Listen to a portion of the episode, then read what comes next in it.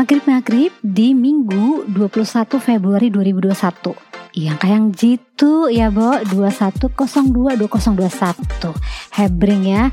Anyway hari ini uh, eh, gue nggak ngomongin hal yang spesial. Sebenarnya hal yang sudah basi. It's been one year and then hal yang sama sebenarnya udah satu tahun masih begini-gini aja. We are banging on the same wall and expecting the same result. Enggak sih sebenarnya expecting a different result tapi hasilnya sama. Itu lagi itu lagi. And then gue sudah empat hari lima hari empat hari kali ya. Empat hari nggak bersosial media karena ada alasan khusus. And hari ini gue mau celamitin soal covid-19 pengalaman gue bersama beliau ya yang paling ditakuti, disegani dan menjadi momok seluruh dunia sepanjang tahun 2020 Maret sampai sekarang. Kalau di Cina itu udah eh, waktu itu Maret ya, Maret Januari udah pandemi. Eh, bukan bukan bukan epidemi ya. Oke, gue mau ngomongin COVID-19. Gue Sonya Naguna untuk episode ke-24 podcast Celamitan kalau lo denger di kejauhan suara azan, emang sedang azan. E, rumah gue kebetulan dikelilingi oleh sekitar empat masjid, e, empat masjid kecil, bukan musola masjid.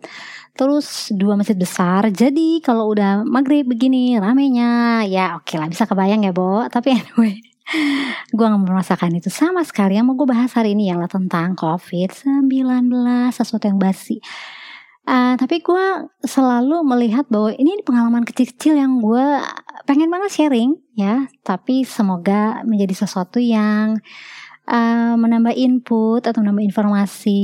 Ya mau denger boleh, nggak didengar ya jangan ya bu. Jijai. And oke okay, yang pertama. Uh, sesuatu yang menakutkan karena sebenarnya gue di awal tahun 2020 pada saat uh, Desember itu gue udah merasakan uh, sesuatu yang gak biasa di dalam tubuh gue. Yaitu gue nafas tersengal-sengal. Uh, akhir Desember tuh, ketika keluarga gue memutuskan kita akan ke Jogja untuk Natalan bareng sama keluarga di Jogja. And then itu gue merasa itu suatu penyakit yang tidak pernah gue alamin sebelumnya. Suatu jenis batuk yang mempengaruhi gue punya pernafasan. Karena kok gue susah ya napas? Terutama ketika gue baru ketika gue tidur itu selama hampir sebulan gue tuh susah susah banget nafas gue merasakan sesuatu yang gak normal batuk yang gak normal dan itu sangat menyiksa gue karena napas gue ngos-ngosan. Kalau tidur gue harus buka mulut. Um, itu gue inget ketika gue karena gue setiap tahun itu selama selama hmm, tiga tahun ya empat tahun terakhir sebenarnya. Gue tuh eh, kecuali tahun kemarin karena ada covid jadi gue nggak ke London. Ada yang gue harus hadiri pameran selama 10 hari di London di des di November. And then ketika gue pulang dari gue pulang dari uh, London uh, mengalami gue belum merasakan banget tapi badan gue udah kayaknya udah gak enak. Kayak mungkin karena pukul bilang ah ini mungkin karena perubahan perubahan iklim ya dari London yang dingin gitu waktu itu suhunya mungkin sekitar 5, 6, 10 gitu ya. Terus ke Jakarta yang panas gitu kan meskipun Desember. Terus gue mulai merasakan batuk-batuk yang gak enak. Tapi itu waktu itu udah denger covid belum ya? Belum setahu gue sih belum belum ramai covid. Uh, berlangsung sekitar dua dua minggu dua minggu atau tiga minggu gue enak banget. Kalau tidur udah gue tuh nyesek nyesek. Aduh ini kayaknya gue kenapa ya bisa begini? And then seiring waktu gue dikasih obat sembuh sembuh sendirinya. Itu bulan-bulan Januari. And then mulai tuh rame COVID karena gue ngeliat perkembangan di dunia terutama di Cina di Wuhan kan gambarnya mengerikan tuh ya videonya. Yang kita lihat tayangan ID mengerikan banget itu orang bergelimpangan di jalan. Terus oh, ramainya Donald Trump menyikapi itu. Ketika itu dia minta ada akhir Januari dia minta mau kirim pasukan mau kirim pasukan mau ekspor ke Wuhan tapi ditolak. Menunggu uh, namanya approval atau permitnya masuk Cina tapi ditolak sama pemerintah Cina. Itu maksudnya masih masih masih endemik ya di Cina masih lokal di Wuhan. And then terus dia mulai udah diberi kembangan lah isu rasisme bahwa dia anti Cina ketika dia mem mem memutus menutup perbatasan atau uh, apa flight masuk dari Cina. Tuh dia dianggap rasis. Sehingga muncullah di New York di beberapa uh, negara bagian terutama dari partai antinya Donald Trump yang memusuhi dia yang mau label dia rasis ya setelah we know lah Muslim ban ketika dia baru berkuasa pada it's not really Muslim ban karena Indonesia dan negara-negara Muslim dunia bebas masuk aja tuh Amerika gak ada masalah. Yang di yang di ban itu negara-negara produsen teroris ya. Jadi ini sesuatu yang konyol dan narasi ini yang dijual oleh orang-orang sendablek. Ilhan Omar yang emang bukan dablek sih dia justru pinter memainkan narasi ya eh, menderita secara kerja muslimah ya Bo. Uh, kok juga jadi ngomongin Donald Trump ya. Nggak maksud gue gue ngomongin pandemi balik balik balik balik, ke pandemi and then uh, gue inget ya Maret gue ngadain pameran itu dengan kondisi yang udah mulai udah udah menakutkan kan setelah kita dari Januari Februari terus awal Maret si Anies Baswedan mengadakan pembatasan uh, armada uh, armada itu tuh eh, mobil-mobil panjang bus apa sih namanya? Gue mendadak lupa loh busway. Kok gue goblok? Ya nggak bersosmed beberapa baru lima hari nggak bersosmed tapi tiba-tiba gue tololnya absolut gitu ya. Itu dia membatasi pembatasan mengadakan pembatasan arma, jumlah armada busway dan gue naik darah. Karena gue bilang ini ini sesuatu yang sangat tolol. Itu kalau nggak salah 16 apa 15 dan dia ngasih pengumuman itu baru baru uh, dua, dua 12 jam sebelumnya. Ya 12 jam. Pokoknya jam 6 sore. Terus baru berlaku besok pagi. Itu akhirnya beli uh, yang ngantri itu ular melingkari pagar bundar tuh penuh banget di setiap di setiap uh, halte uh, dari busway itu yang gue lihat tuh melingkar-lingkar dan aduh gue bilang desperate banget orang-orang bener-bener. Kalau nggak salah kereta juga apa enggak ya? Gue lupa. Karena gue naik komuter lain tuh pasti kan gue siang. Jam-jam 11 jam 12 atau jam setengah satu gue bisa gitu kerja gue tuh begitu pulangnya jam-jam 8 jam 9 malam.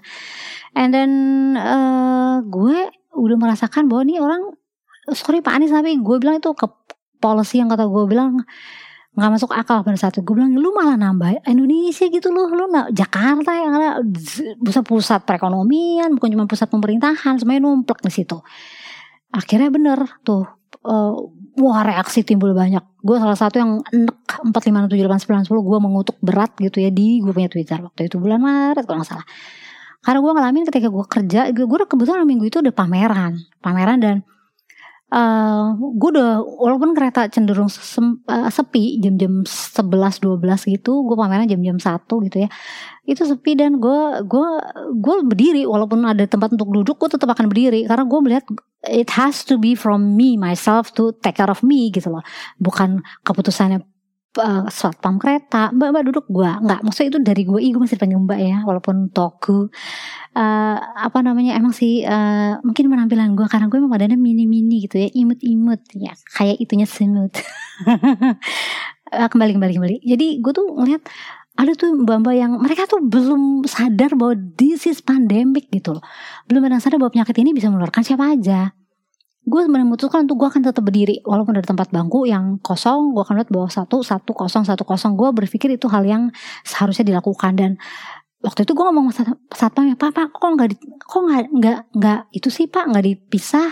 Jarang-jarang duduknya? Gue bilang gitu.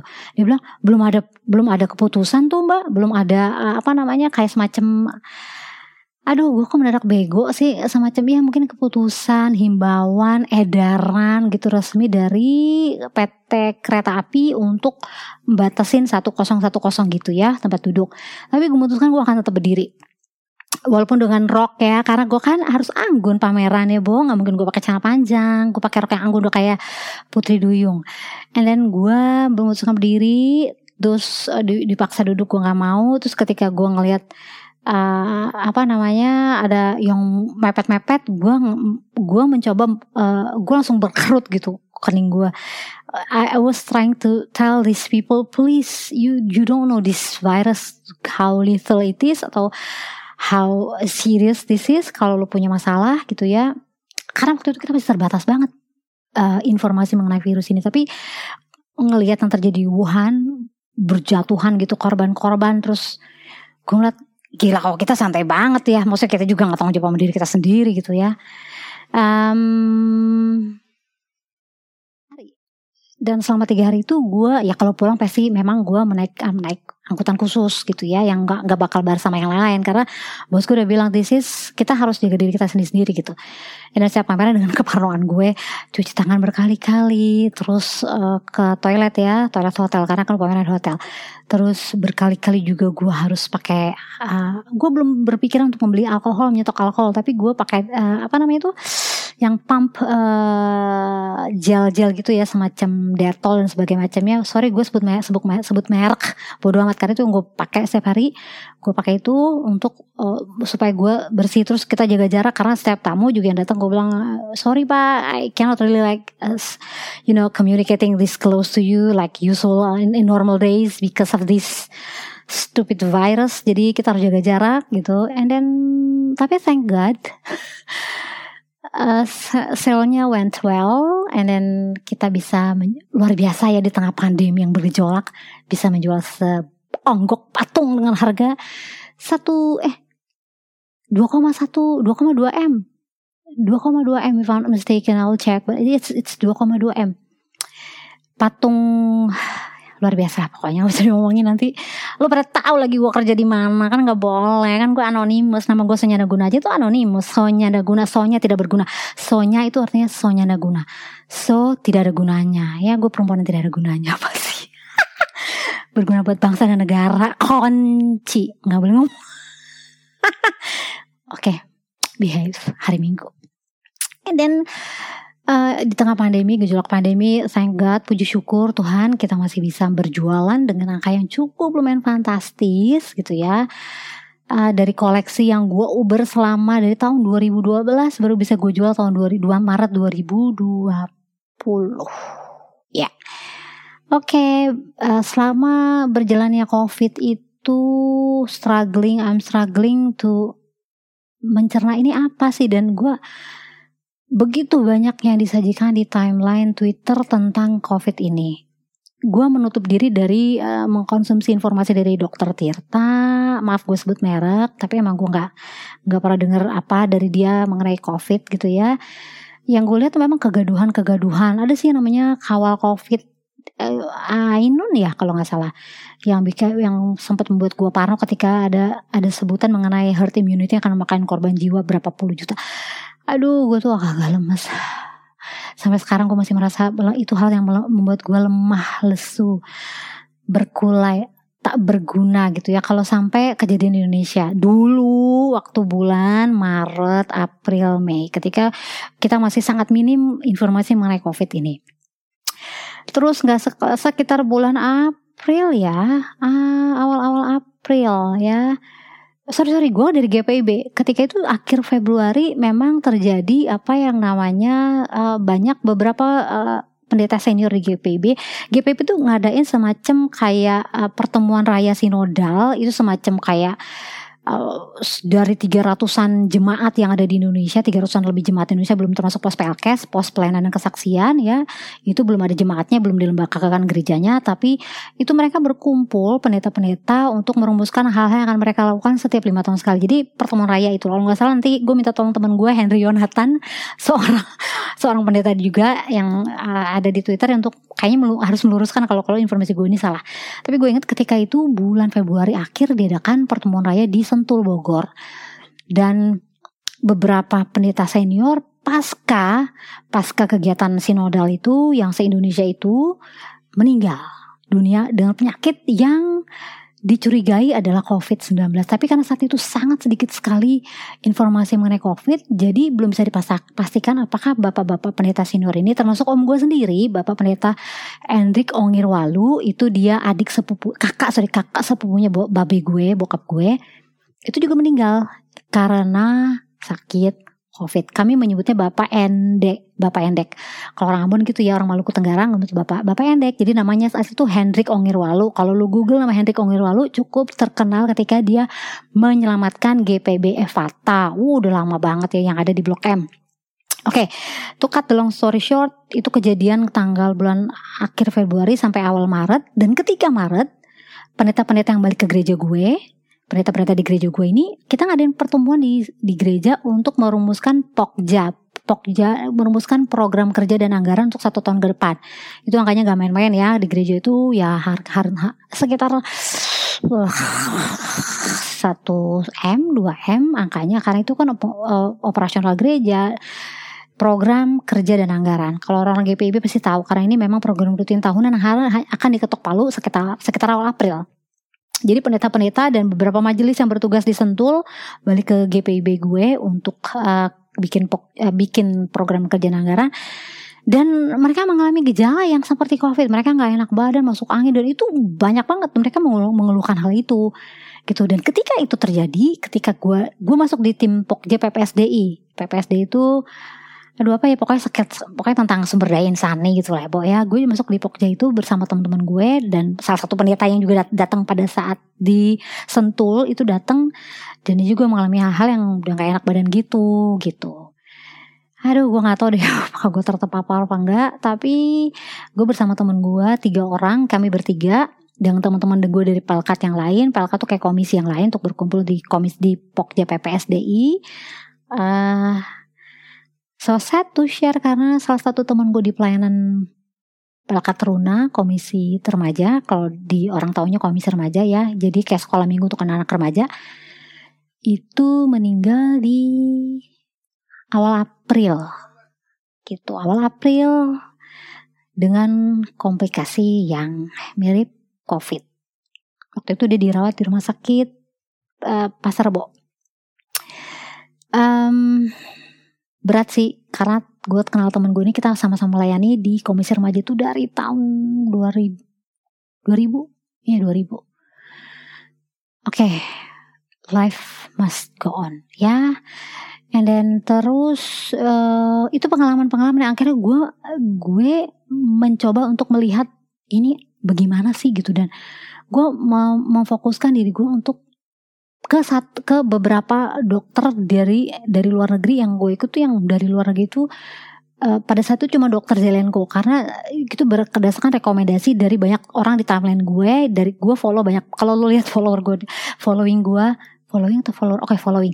Following gue di Twitter tuh akhirnya gue jarang banget uh, follow orang Indonesia. Maaf maaf maaf maaf maaf bukan gue rasis tapi gue lebih lebih banyak follow follow follow follow orang Amerika terutama yang konservatif terserah. Tapi gue melihat bahwa ketika muncul wah nih dokter Zelenko dengan Zelenko protokolnya waktu itu cukup lumayan bagus dengan dia punya pengobatan di rumah sakit sendiri dia mengobati banyak pasien dan itu banyak yang sembuh dan bisa menjauhkan pasien dari ICU dan cepat bisa ke rumah pulang dengan Zelenko protokol ya. Uh, kemudian jadi gue belajar di hidroksikloroquine hidroksikloroquine obat penyakit lupus dan dan dia tuh mau ngasih tuh lu harus uh, pakai apa pakai apa pakai apa. Waktu itu dia belum bikin secara secara rinci gitu ya profilaksis atau prevention.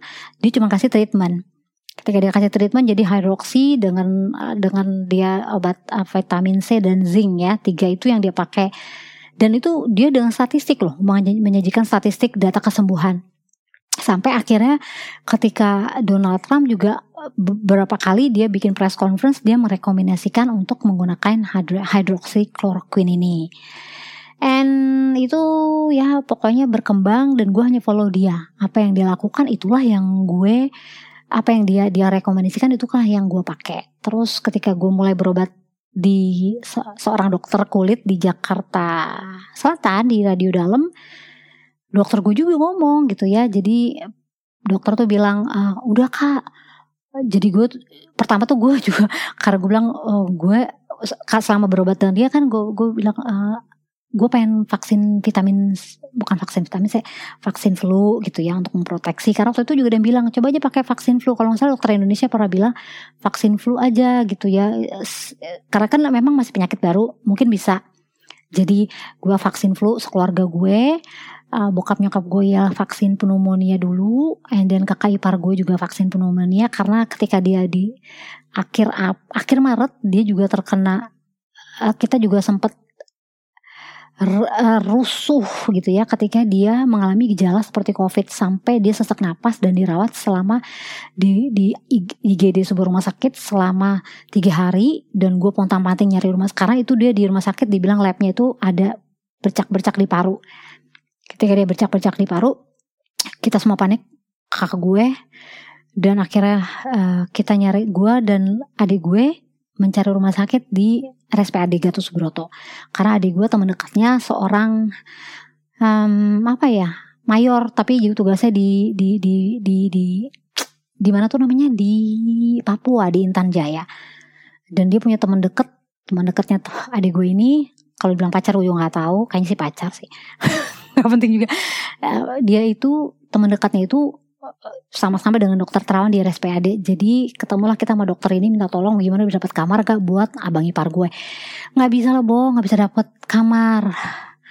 Gue bolak dari jam 9 pagi nyari tolong dapat kamar tapi nggak dapet. Akhirnya balik lagi ke rumah sakit yang lama yang ke tempat abang ipar gue dirawat dengan dengan status suspek COVID. Terus empok gue mencoba karena empok gue tuh seorang guru di Teresia dan anaknya terawan juga anak terawan kalau nggak salah anak terawan juga uh, juga di Teresia. Jadi mencoba untuk mencoba lewat istrinya dokter terawan tapi juga ternyata rumah sakit di mana-mana penuh nggak bisa sama sekali mendapatkan ruangan untuk penanganan covid. Akhirnya abang ipar gue tetap dirawat di rumah sakit tersebut yang di, sampai yang ketika itu dia dirawat. Sampai akhirnya besokannya dia udah nggak tahan tapi dia masih bisa masih bisa ngobrol dengan suara tersengal-sengal. Akhirnya kita dia dibolehkan keluar direkomendasikan ke wisma atlet. Kita jam 10 malam check out dari dari IGD rumah sakit itu ke wisma atlet. Sampai wisma atlet ditolak karena abang ipar gue tidak sanggup mengurus dirinya sendiri. Sangat lemah. Dari wisma atlet direkomendasikan lagi untuk ke Gatot Subroto ke Gatot Subroto kita jam hampir jam 12 ya 12 pagi. Sampai Gatot Subroto adik gue adik gue maju gitu ya dia maju dan akhirnya ngobrol sama dokternya dikasih hasil labnya dari rumah sakit yang dirawat itu suspek covid. Ternyata juga tidak diterima karena penuh ruang rawat inapnya penuh rumah IGD juga penuh. Akhirnya dari dokter di RSPAD direkomendasikan untuk ke rumah sakit Suli, Yulianti, Saroso ya yang di Sunter. Dari situ konvoy kita nih kebetulan dari rumah sakit abang gue yang pertama abang ipar gue pertama tuh gue konvoy karena Mbok gue naik mobil membawa suaminya kita nggak naik ambulan ya Bo. Jadi kita konvoy gue naik gue dan adik gue naik mobil gue sendiri adik gue nyetir. Terus kita konvoy de berderet berderet-deret gitu ya sampai di Sulianti Saroso. Nyasar pula di pasar di uh, stasiun Senen aduh itu suatu malam yang tidak terlupakan dan empok gue dengan yang dengan kondisi empok gue tuh yang udah ngantuk berat karena kan dia tidur di rumah sakit jagain suaminya walaupun dia tidurnya di mobil karena suaminya di di ruangan khusus sendirian. Akhirnya di Sulanti Saroso ngobrol-ngobrol-ngobrol-ngobrol di situ juga jam jam 2 jam 2 pagi ditolak juga. Tapi dari mas yang di eh, perawatnya dua orang itu yang nemuin kita dia baca rekam parunya kayaknya sih bukan covid mbak. Kalau covid nggak kayak gini bercaknya gitu ya. Terus dia mereka menyarankan untuk kita ngomong udah putus asa aduh ke mana lagi ya? Kalau abang ipar saya nggak ketolong gimana? Karena bayangan kita covid itu memang luar biasa menakutkan. Sakirnya dengan dengan ga dengan kalut segala macem abang empok gue sama abang sama abang ipar tetap di mobil. Gue sama adik gue yang turun untuk ngomong sama setiap perawat atau dokter yang ada di rumah sakit yang tadi kita turun itu Akhirnya di rumah sakit Yulianti Sarosa dibilang, gimana kalau ke rumah sakit Pasar Minggu, RSUD Pasar Minggu, mulai hari ini mereka terima pasien COVID. Akhirnya dari Sunter jam setengah jam 2 ya setengah aja jam jam 2 gitu setengah 2 ke jam 2 gitu pagi kita ke rumah sakit pasar minggu. Waktu itu udah komitmen cun cun gue mau adik gue kalau rumah sakit pasar minggu kita nggak diterima kita ke mati ya jadi kita pasar minggu dulu, udah pasar minggu dulu mati karena itu kan satu jalur gue bilang gitu. Iya setuju, terus strategi. Jadi gini cun, lu jangan bilang kalau nih si ini si abang ini dia sakit karena uh, covid belanja dia belum dirawat jadi bener-bener gejalanya kayak covid jadi minta dirawat aja gitu jadi kita jangan bilang kalau dia dapat suspek atau segala macam gitu kita udah sepakat untuk ngibul di rumah sakit And then sampai di rumah sakit pasar minggu diterima dengan APD yang lengkap gitu ya. Dia dengan semua sih rumah sakit rumah sakit juga dengan APD lengkap yang kayak gitu. Terus pertama ditolak dulu mas satu nggak ditolak sama satpamnya mau ngapain? ini pak kakak saya sakit gini gini gini gini. Uh, pokoknya udah lemas banget. Gejalanya sosok napas gini gini gini. Gue masih nggak ngomong masih. Waduh bu di sini semuanya sekarang rumah kalau sakit biasa udah dipindahin. Kita pindahin ke rumah sakit Cilandak. Ini khusus covid udah mulai hari ini. Nah itu pak kakak ipar saya kayaknya sepertinya gejalanya seperti covid pak satpamnya kayak ngeliat muka kita udah galau kusut kalut dan segala macam. Akhirnya dia ibu ke dalam aja ya ngomong sama, sama dokternya langsung gitu. Akhirnya kata ke dalam ke dalam ngomong gue sendiri adik gue di luar sama satpamnya gue masuk sendiri. Gue dengan muka dengan udah nggak tahu lagi gimana. Gue bilang apa? Tolongin kakak ipar saya pak. Tolongin kakak saya udah nggak tahu gimana pak. Gue dengan udah sedih gitu. Gue nggak tahu ngebayangin kalau worst thing happen gue nggak tahu gimana dengan pok gue dengan anaknya yang masih sekolah gitu ya. Ya dan akhirnya uh, coba saya lihat dulu katanya gitu ya. Uh, suster atau perawat kalau nggak salah perawat dia keluar dia ngelihat ada kateter dong di mobil empok gue. Ini di rumah sakit ya ternyata. Gue bilang iya pak dari rumah sakit katanya suspek covid. Ngomong dong dari tadi. Jadi kita nggak nolak. Jadi bisa cepet ditanganin. Gue dimaki-maki dong. Terus akhirnya itu sama. Saya lihat itunya laporan labnya. Akhirnya gue ambil dong di bagasi nih pak laporannya. Iya kan bu, kalau gitu kan kita jadi nggak mau perlambat, bisa langsung ditangani saat ini juga. Ini istrinya mana? Langsung, itu yang nyupir. Gue bilang gitu. Terus dia bilang e, ibu jadi setuju ya kalau suaminya ditangani sekarang di rumah sakit ini? Empok gue dengan bengong hah karena secara dari tadi di tiga rumah sakit kita ditolak gitu kan bo. Ya tiba-tiba di sini di di disuruh bersetuju ditangani ya iyalah silahkan gitu kan. Akhirnya udah tuh untungnya adik gue tuh selalu mempunyai membawa baju ekstra gitu ya baju di dalam mobilnya satu koper kecil bukan koper sih kayak tas tangan gitu tapi itu lengkap untuk baju. Jadi adik gue bilang udah cun lu di sini lu lurus laki lu segala macam jadi langsung tuh sorry eh, sebelum po gue ngurus langsung uh, perawatnya bilang pak pak pak uh, itunya coba uh, tempat apa uh, tempat tidur tempat tidur. Lah jadi langsung tuh satpamnya ngeluarin tempat tidur. Abang ipar gue langsung ditangani. Detik itu juga sementara po gue ngurus administrasi. Aduh luar biasa. And then besok paginya Uh, jadi mpok gue di rumah sakit, besok paginya mpok gue nelpon gue jam-jam jam 8 pagi. Karena dia juga, mpok gue juga akhirnya tes juga, karena harus tes karena dia selama, kan dia keluarga deket ya. Dan status gue sama adik gue, karena selama ini bolak-balik, gue sama adik gue statusnya ialah waktu itu, uh, apa sih? Aduh gue udah lupa deh. Kalau mpok gue tuh, uh, pokoknya dalam lingkaran dia dulu apa sih? Gue udah lupa. Jadi gue masuk yang masuk dalam lingkaran itu juga. Jadi yang harus diwaspadai lah semacam itu. Jadi gue empok gue sama adik gue bertiga. Udah sama anaknya dua. Jadi kita sama 14 hari itu harus isolasi di rumah jadi gak kerja. And then gue nelfon gue dong pagi-pagi nangis-nangis. gitu nangis-nangis. Uh, udah nangis-nangis. Bilang bahwa kakak, kakak ipar gue katanya positif covid jadi dulu nangis kejer gitu ya terus lu tahu dari mana lu tahu dari mana gue pikir dari dari rumah sakit dong ternyata apa dari perawat yang temennya adiknya abang ipar gue gila nggak dibilang positif kok? Belum belum belum ada hasilnya positif lu nuduh nuduh positif gitu ya. Aduh bener-bener deh po gue tuh udah kayak udah kalut udah kayak kayak kalau suaminya kena vonis AIDS gitu ya bu Eh ternyata seminggu doang di rumah sakit walaupun masih sesak-sesak terakhir keluar seminggu karena abang ipar gue ternyata bukan covid. Jadi dia bronkitis ya bronkitis. Jadi dia pulang rawat jalan dengan dikasih hidroksikloroquine begitu jadi tidak mengalami apa yang dinamakan covid. Sambil gue tetap mencari-cari tahu apa sih ini penyakit apa sih gitu ya. And then uh, itu yang terjadi sama abang abang ipar gue yang lebih aneh lagi yang terjadi sama adik gue kandung nih. Adik gue cowok satu-satunya anak bungsir keluarga gue gue cowok. Dia mengalami yang namanya depresi berat jadi dia depresi yang luar biasa berat. Sampai berat badannya turun 10 apa 12 kilo. Ya dia merasa bahwa dirinya kena covid karena suka badannya gak enak-enak begitu gak enak badan. Uh, istrinya pada saat itu ya dari Borusi Tomorang itu lagi hamil, hamilnya cuma lumayan besar.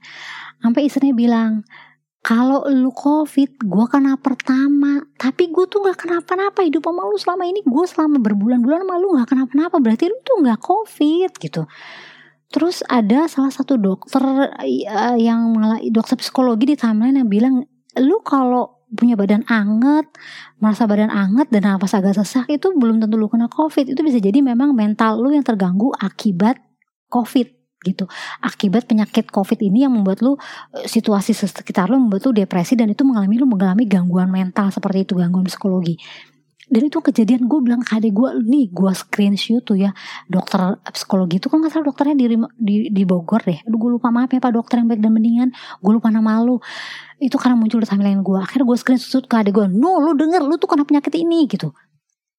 Uh, akhirnya dia nangis nangis gitu akhirnya yaudah gue nggak mau gue nggak mau menularkan adik uh, istri gue sama anak gue ya, ya dia punya anak satu ya. Gue nggak mau jadi dia di rumah gue isolasi mandiri dong 12 hari. 12 hari di rumah gue eh sorry 14 hari isolasi mandiri. Tapi dia tetap merasa nggak enak. Dia juga punya GERD bawa GERD. Akhirnya dia sampai 14 hari nggak sembuh juga. Dia merasa sesak napas. Kita ke rumah tengah malam ke rumah sakit bunda. Supaya dia mau dicek. Terus ke rumah sakit bunda dia mau cek lab udah cek lab udah selesai sama dokternya. Kayaknya bapak nggak kenapa-napa kok pak. Kalau lihat dari hasilnya nggak ada masalah. Tuh tapi berat saya turun jauh dok. Gitu.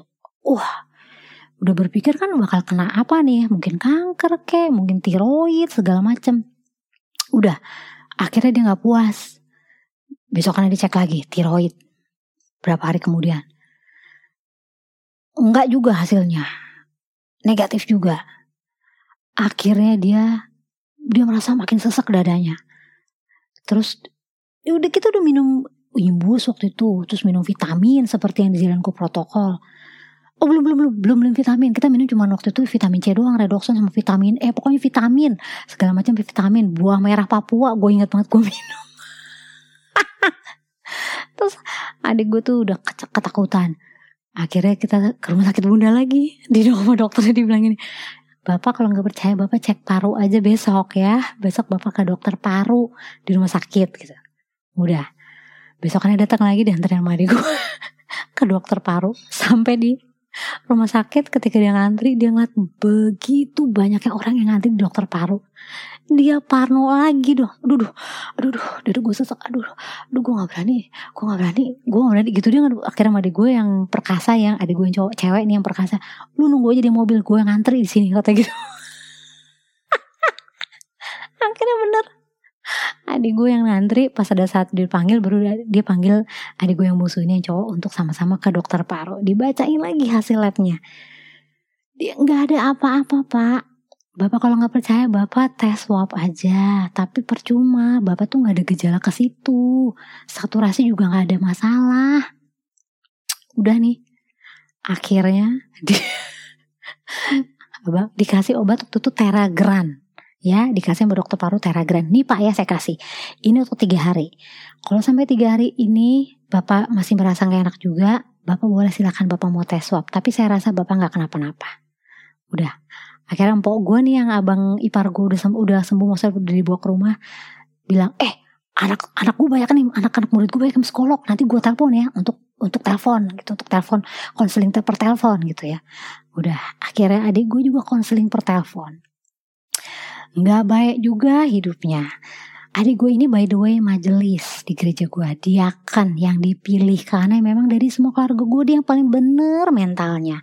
Secara moral dia paling righteous Paling baik Yang tidak pernah neko-neko hidupnya lurus-lurus aja nggak pernah pakai ngerokok juga enggak ya nggak kayak gue terus eh, nggak uh, begajulan juga. Pokoknya dia anak baik. Jadi dia majelis. Sampai gue bilang gini ke dia lu tuh majelis tapi iman lu tuh nggak ada sebiji sesawi. Gue bilang masa lu kayak gini aja? Lu merasa diri lu covid padahal lu enggak sampai gue gituin tuh kalau akhirnya bo dia mau swab.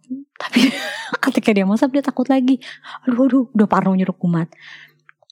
Akhirnya uh, sampai istrinya melahirkan istri yang melahirkan dia nggak berani karena juga dia penakut sama darah. Jadi istrinya sesar itu yang nangan yang nanganin istrinya itu adik kakaknya istri istrinya.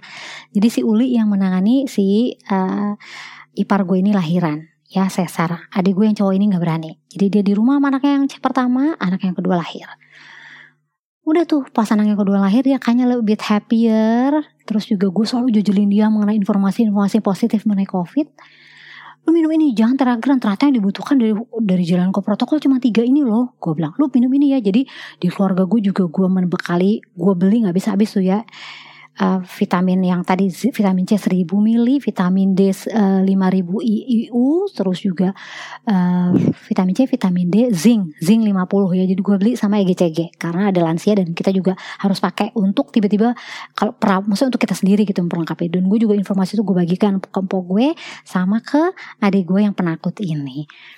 And akhirnya adik gue sekarang sudah bisa mentalnya sudah lebih uh, baik, jauh lebih baik, dia udah bisa ketawa, mungkin karena anaknya juga yang cowok udah lahir dan fine fine aja sampai saat ini dan dia udah merasa aman dengan mengalami sendiri bahwa dengan minum vitamin dia ter, dia merasa dia lebih hati secara psikologi dia lebih secara psikologis dia lebih nyaman lebih tenang gitu ya. Walaupun dia nggak tetap nggak berani keluar rumah untuk bekerja jadi tetap di rumah dengan rambut. Dia lah lo tau gak dia itu memotong rambutnya aja nggak berani jadi rambutnya segede-gede baskom ya. Sedangkan bokap gue aja udah bolak balik ya ke tukang potong rambut untuk potong rambut. Adikku tetap nggak berani sampai sekarang.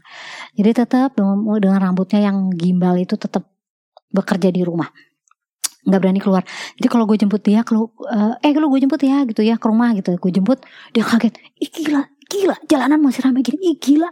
Gue bilang emang lu gak pernah keluar? Sama sekali? Enggak gue gak berani keluar gak berani. Gitu. Karena mertuanya dia tinggal mertua jagain mertuanya juga. Padahal itu sama mertuanya juga dia bisa aja keluar. Itu di saking parnonya mertuanya tuh bolak balik ke pasar tuh nggak bo. Dia tuh parno anak istri dikunci di kamar bo. Nggak boleh turun ketemu mertuanya. Sarap. Sampai gue kalau jemput ke ke rumahnya tuh gue bilang sama dia opung opung mau jemput itu Enjo gitu ya sama si ini uh, mamanya sama ini gitu ya sama gue gitu ya. Udah terus ah kata si opung Ih, kita mah nggak boleh nengok anak yang baru lahir, megang aja nggak boleh, nengok ke kamar aja nggak boleh. Tuh bapaknya emang keterlaluan. Tuh apa mertuanya sendiri ngomong gitu gila. Adik gue tuh parah minta ampun. Karena katanya mertua gue tuh masa bolak balik ke pasar. Ya gue bilang ya mertua lu buktinya bolak balik ke pasar sehat-sehat aja. Ma masak makan apa makan babi makan segala macam ikan harsi segala macam gak ada masalah gue bilang gitu lu nya aja yang parno dipiara gitu aduh gue bilang dan akhirnya uh, emang nih yang yang membuat kita amat sangat uh, nyaman dan tenang yaitu karena kita ternyata udah satu tahun kita mencoba dengan sendiri kita mencoba oh ternyata pakai prevention itu bener-bener membuat kita nggak takut keluar. Tetap kita pakai masker keluar gue tetap kerja seminggu dua kali atau tiga kali gue pakai masker. Bos gue tidak pernah pakai masker tapi dia tetap minum vitamin dan dia selalu minum uh, aspirin katanya supaya tidak ada pengentalan darah katakan kalau saturasi itu ada pengentalan darah ya. Bener gak sih? Gak tau deh. Pokoknya bos gue tuh rutin minum aspirin gak setiap hari tapi pokoknya dia beberapa hari sekali. Jadi aspirin itu udah kayak vitamin kesekian buat dia. Nggak pernah pakai masker. Di kantor dia sama temen gue ada dua, dua orang yang gak pernah mau pakai masker. Tapi kami semua harus minum vitamin. Jadi gue sempat sharing bahwa eh, seperti Zelenko bilang kalau gue sih anak gue gue kasih redoxon kalau kita yang lain pakai Zegavit sama minum tambahan zinc atau minum vitamin C tambahan yang 500 jadi kalau ZKP itu tujuh setengah tambah 500 jadi 1250 cukup lah ya bu terus tambah zinc kadang-kadang sama EGCG nyokap bokap juga gitu. Tuhan Yesus sayang sampai sekarang sih kita baik-baik saja. Karena gue bilang kalau kita berperang dengan kita berperang dengan uh, senjata yang tepat kita akan memenangkan pertarungan ini gitu. Jadi jangan random kita menggunakan pokoknya multivitamin gue minum. Tapi multivitamin apakah yang dibutuhkan untuk memerangi covid? Kan kita nggak tahu. Makanya gue selalu berkali-kali bilang profilaksis profilaksis gitu. Uh, ini penting karena apa ya gue bilang? Satu uh, yang pertama itu ialah kita punya iman dulu. Kita punya iman bahwa kita apa pun yang kita hadapi sama-sama ini ini gue mau ngasih sebenarnya konklusi aja sih. Konklusi atau apa? Mungkin terlalu buru-buru karena gue liat gue udah 40 menit ngoceh. Iman itu penting. Iman itu buat gue sebagai orang yang beriman secara gue punya kekuatan spiritual untuk mental gue supaya tidak down. Jadi iman itu penting banget buat gue secara pribadi buat keluarga gue gue juga dan gue juga kadek gue baca kitab nyanyi. Untuk temen-temen gue yang mungkin yang beragama yang asing ngaji lu ngaji, lu banyak-banyak baca ayat kitab suci yang menguatkan lu sebagai orang percaya bahwa uh, gue mampu gue bisa mengalahkan ini atau gue bisa diberi kekuatan untuk untuk menjalani ini semua dengan kekuatan sama-sama gitu ya. Kekuatan Tuhan yang akan menguatkan kita semua gitu. Entah nanti kalaupun kita terkena dan kita akhirnya harus meninggal, kita meninggal dalam iman, dalam spiritual yang Tuhan terima kasih karena sudah sejauh ini kita uh, saya diberi kesempatan untuk hidup misalkan seperti itu gitu ya. Gue nggak tahu kan gue akan bertahan sampai kapan, tapi kalaupun itu terjadi sama gue ya gue harus siap gitu. Iman itu iman penting. Jadi pertama itu iman, kedua itu imun, iman dan imun. Imun itu penting dan kalau uh, kalau yang gue udah dari dari uh, jalan ke protokol itu dengan prevention tadi kita mem, kita memperlengkapi memperlengkapi imun kita sendiri. Ketika kita kita happy spiritual kita happy mental kita happy mental kita tenang imun kita juga akan baik tidur. Waktu tidur kita juga kita pelihara. Kan kita sekarang work from home. Dan sambil kita harus lembur. Kan kita bisa punya waktu untuk tidur lebih banyak. Misalkan jam bisa taking a nap 2 jam siang. Nanti malam lagi uh, eh, 6 jam atau 7 jam. Jadi kita punya banyak waktu untuk um, perbaiki imunitas tubuh kita. Dari tidur terus dari uh, minum vitamin yang tadi gue bilang prevention tadi ya. Prevention kalau dari gue menganut paham gue emang jalan ke protokol banget. Jadi zinc 50 eh, 25 untuk 25 yang elemental jadi gue nggak tahu ya. Jadi gue pakai zinc 50 karena gue nggak tahu elemental itu berarti yang yang sarinya dari zinc. Terus uh, vitamin D yang luar biasa ternyata penting banget. Vitamin D selain berjemur atau vitamin D yang lu minum 5000 5000 IU minimal. Itu imun ya. Terus zinc vitamin D vitamin C 1000 mg sama kalau gue EGCG kalau nggak quercetin ya teman-teman catat banget ini ya. Lu bisa uh, ikut perkembangannya Zelenko protokol di Telegram. Karena Dr. Zelenko ini dianggap sangat berbahaya kali ya buat kaum kiri. Ini sangat politisi po, uh, sorry sangat politis. Jadi memang ada politisasi penyakit berkenaan dengan bisa pilpres Amerika jadinya. Dan gue mengimani itu meyakini bukan mengimani bahwa memang ada politisasi penyakit. Jadi gue mengikuti Zelenko protokol di Telegram. Jadi kalian tuh yang dengar uh, celamitan gue saat ini lo bisa ya denger ya uh, gue dulu denger jadi Zelenko protokol tuh kasih ya itu Iman pertama, kedua imun, ketiga aman. Aman itu ialah ketika lu menjaga jarak aman, aman lu cuci tangan, aman lu pakai masker, aman lu jaga jarak.